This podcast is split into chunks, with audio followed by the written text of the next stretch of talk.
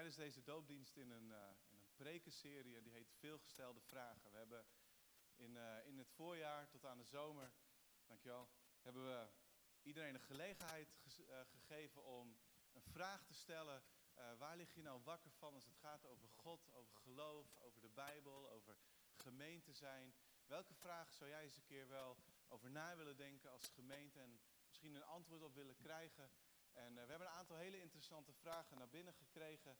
En, um, en die beantwoorden we in de dienst. Omdat we geloven in eerlijke, oprechte antwoorden. En geen goedkope antwoorden. We vinden het belangrijk om dat te doen vanuit een goede de studie van de Bijbel. Vanuit een stukje culturele fijngevoeligheid. Uh, het lezen van mensen die er iets goeds over hebben geschreven.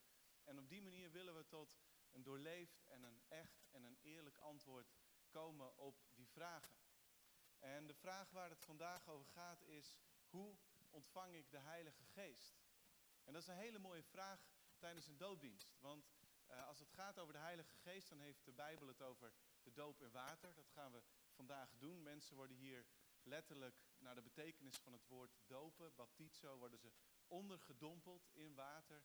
En ze komen weer op uit het water. De oude mens die blijft achter als het ware en mensen staan op in een nieuw leven, in een volheid van leven, zoals ze dat nog nooit hebben ervaren. Maar de Bijbel heeft het dus, behalve over de doop in water, ook over de doop in of met de Heilige Geest. En dan is de vraag van ja, wat betekent dat precies? Uh, hoe ziet dat eruit? Hoe gaat dat? Uh, is dat voor iedereen? Uh, gebeurt dat meteen als je wordt gedoopt als je, of als je tot geloof komt? Hoe zit het nou met de doop in de Heilige Geest en wie is de Heilige Geest eigenlijk? Want dat is natuurlijk wel belangrijk. Als je geen idee hebt wie de Heilige Geest is, dan moeten we het daar eerst even over hebben. Nou, voordat ik verder ga, uh, straks uh, in november, vanaf 13 november, geven we ook in deze kerk een driedelige cursus over de persoon en het werk van de Heilige Geest. Dus dan wordt er veel uitgebreider en dieper ingegaan op allerlei zaken rond de Heilige Geest en wat de Bijbel daarover zegt. En we geloven in het aanbieden van dat soort cursussen uh, regelmatig, omdat iedereen kan groeien, iedereen kan leren. En het is uh, een goede zaak als je daarin niet stil blijft staan, maar jezelf steeds weer uitdaagt om nieuwe dingen te leren. Dus dat gebeurt vanaf 13 november. En wil je daar meer informatie over, dan kun je naar de website of je mailt even naar onderwijs.clcleeuwarden.nl en dan kun je daar deel aan deelnemen en dat is helemaal gratis. Maar goed, allereerst, vandaag in het kort. Wie is de Heilige Geest? En als je een handout hebt gekregen, dan mag je dat opschrijven en anders kun je dat meelezen. De Heilige Geest is een persoon die denkt, voelt en wil.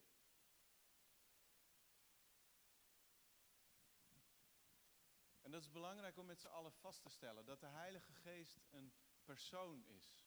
Dat hij allerlei persoonlijke eigenschappen krijgt in de Bijbel, dat er wordt gesproken over hij en niet het. En ik kan me voorstellen dat als je helemaal er onbekend mee bent, dan denk je van nou, is de Heilige Geest dan een soort christelijke versie van Halloween of Casper het Spookje? Is het een vage macht of kracht, iets zweverigs? Nee, dat is het allemaal niet. De Heilige Geest is een persoon, net als God de Vader en God de Zoon.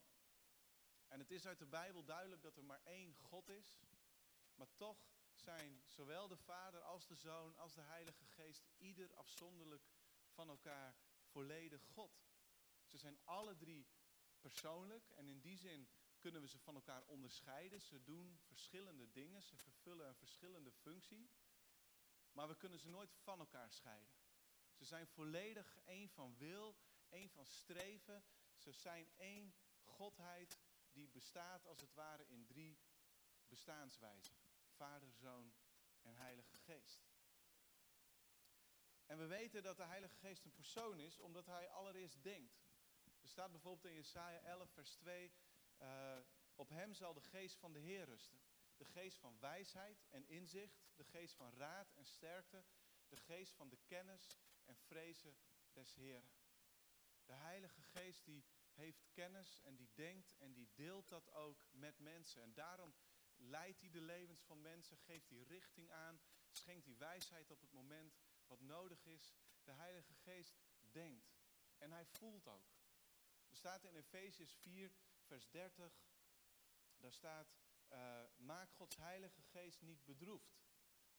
En een vage kracht of een onpersoonlijke macht kan niks voelen. De Heilige Geest die voelt echter wel degelijk. Je kan de Heilige Geest verdrietig maken, bedroefd maken. En de Heilige Geest heeft ook een wil. Er staat in 1 Corinthians 12, vers 11, al deze gaven worden geschonken door één en dezelfde geest die ze aan iedereen afzonderlijk toebedeelt, zoals Hij wil. Dus de Heilige Geest is in, in alle opzichten, en ik, ik kan veel meer persoonseigenschappen noemen van de Heilige Geest, maar Hij is persoonlijk. En als we straks mensen dopen in het water, dan doen we dat op grond van een getuigenis in de naam van de Vader, in de naam van de Zoon en in de naam van de Heilige Geest. En daarin is, staan ze alle drie naast elkaar, volledig gelijkwaardig. Als alle drie volledig God. Nou, de Heilige Geest is een persoon, dan is de volgende vraag, wat doet de Heilige Geest? En je kan uit de Bijbel twee essentiële activiteiten van de Heilige Geest halen. Twee dingen die hij doet. En die hebben te maken met bekering en tot geloof komen. En bekering betekent uh, simpel gezegd dat er een, sprake is van een ommekeer. Radicaal, soms geleidelijk, maar er is een ommekeer. Allereerst in denken en daardoor verandert het hele leven. Daardoor verandert het handelen van iemand en die zegt ik ga niet naar Noord of Zuid. Nee, ik ga in de richting die God mij wijst. Zo wil ik leven. Dat is bekering. En daar is de Heilige Geest bij betrokken. Op twee manieren. Allereerst, leest u mee, vult u in. We ontvangen nieuw leven door de Geest. We ontvangen nieuw leven. Als je tot bekering komt, als je je bekeert, als je tot geloof komt, dan ontvang je nieuw leven. Paulus zegt het op allerlei manieren en in de tweede brief aan de gemeente in Korinthe, dan zegt hij dit. Hij heeft ons geschikt gemaakt om het nieuwe verbond te dienen. Niet het verbond van een geschreven wet, maar dat van zijn geest. Want de letter doodt, maar de geest maakt levend. En bekering, daar begint het mee, is, in, is een, een verantwoordelijkheid van mensen zelf. We dragen als mensen verantwoordelijkheid voor ons leven. We kunnen beslissen welke kant we opgaan. En ik denk dat we dat ook niet anders moeten willen. Als we niet die verantwoordelijkheid zouden dragen, dan zouden we voorgeprogrammeerde robots zijn die iedere dag doen wat God van tevoren erin heeft geprogrammeerd. En dat is niet volledig mens zijn. Dan ben je niet echt in leven. Dan, dan, dan leef je dus een voorgeprogrammeerd iets en je hebt geen enkele verantwoordelijkheid. Terwijl we als mens dus wel een verantwoordelijkheid hebben. En daarom is de oproep aan mensen steeds weer, bekeer jullie. Draai je om, 180 graden de andere kant op. En dan, en het maakt niet eigenlijk uit waar dan precies dat begint en wie wat doet, maar dan begint een, een heel nieuw leven. En dat is een werk van de Heilige Geest. De Heilige Geest gaat je leven helemaal nieuw maken. Die zorgt dat we gerechtvaardigd worden, dat we dus recht voor God kunnen staan, dat we God weer recht in de ogen kunnen kijken. De Heilige Geest heiligt ons, de Heilige Geest maakt ons schoon. Ehm, de Heilige Geest die maakt van ons een volledig nieuw mens. En dat is wat hij doet. Door de kracht van de Heilige Geest kunnen we met blijdschap en vol overtuiging zeggen, ik ben een kind van God. Ik ben gered, ik hoor bij Hem en ik ben levend gemaakt met Jezus. Dat gaat dus vaak gepaard met blijdschap. Dat lees je heel vaak, dat mensen het geloof aannemen met de blijdschap en de vreugde en de uitbundigheid van de Heilige Geest. Daarom juichen we soms, daarom klappen we, daarom doen we de handen in de lucht, want dat is de blijdschap van de Heilige Geest. En het tweede wat de Heilige Geest doet is dit. We ontvangen ook kracht door de Heilige Geest. Kracht. Dus de Heilige Geest maakt ons nieuwe mensen. En het wil ons vervolgens ook kracht geven. Het Nieuwe Testament en, en, en het ontstaan en het groeien van de kerk zou nooit eh, gebeurd kunnen zijn als er niet sprake was van een buitengewone kracht. Want als je kijkt naar het begin van de kerk en naar de mensen die de Bijbel hebben geschreven, dan waren dat vaak bange mensen.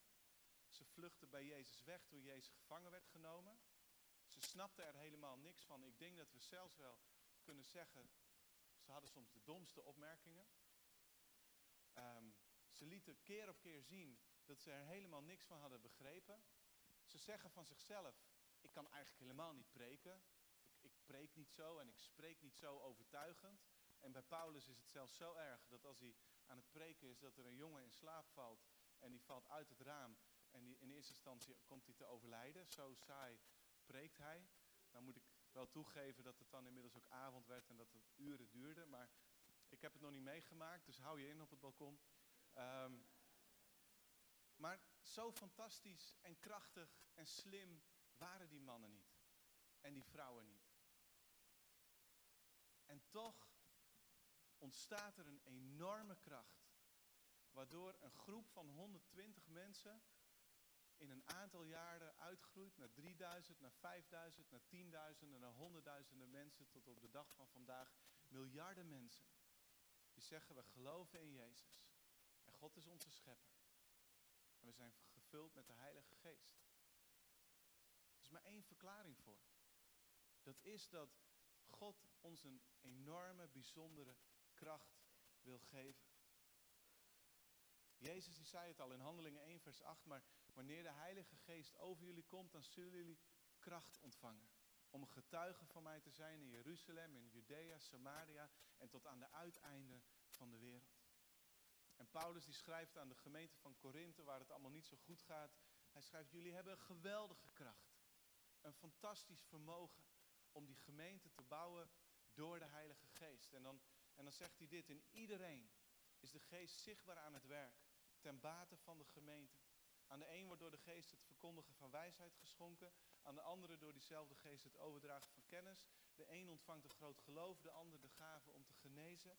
En weer anderen de kracht om wonderen te verrichten, om te profiteren, om te onderscheiden wat wel en wat niet van de geest afkomstig is.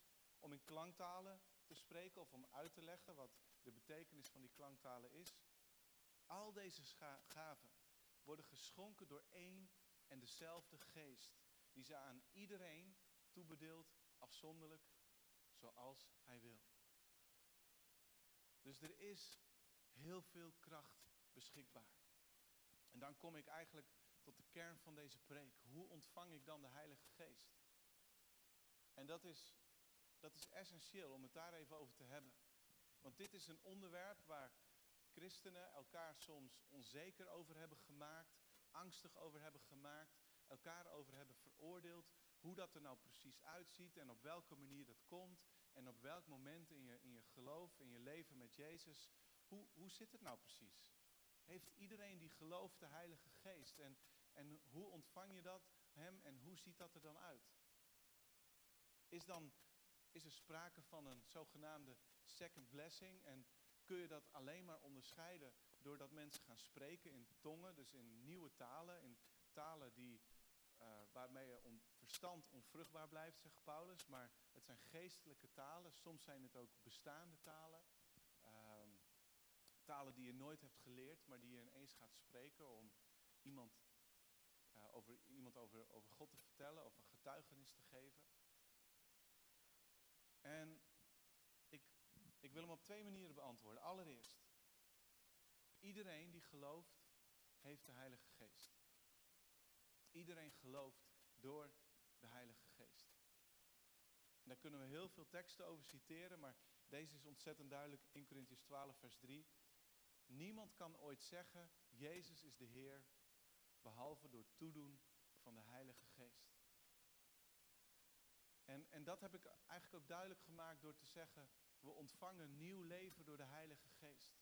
De Heilige Geest is er altijd bij betrokken wanneer we opnieuw worden geboren, wanneer we vernieuwde mensen worden, wanneer we kinderen van God worden. Dat gebeurt door de Heilige Geest.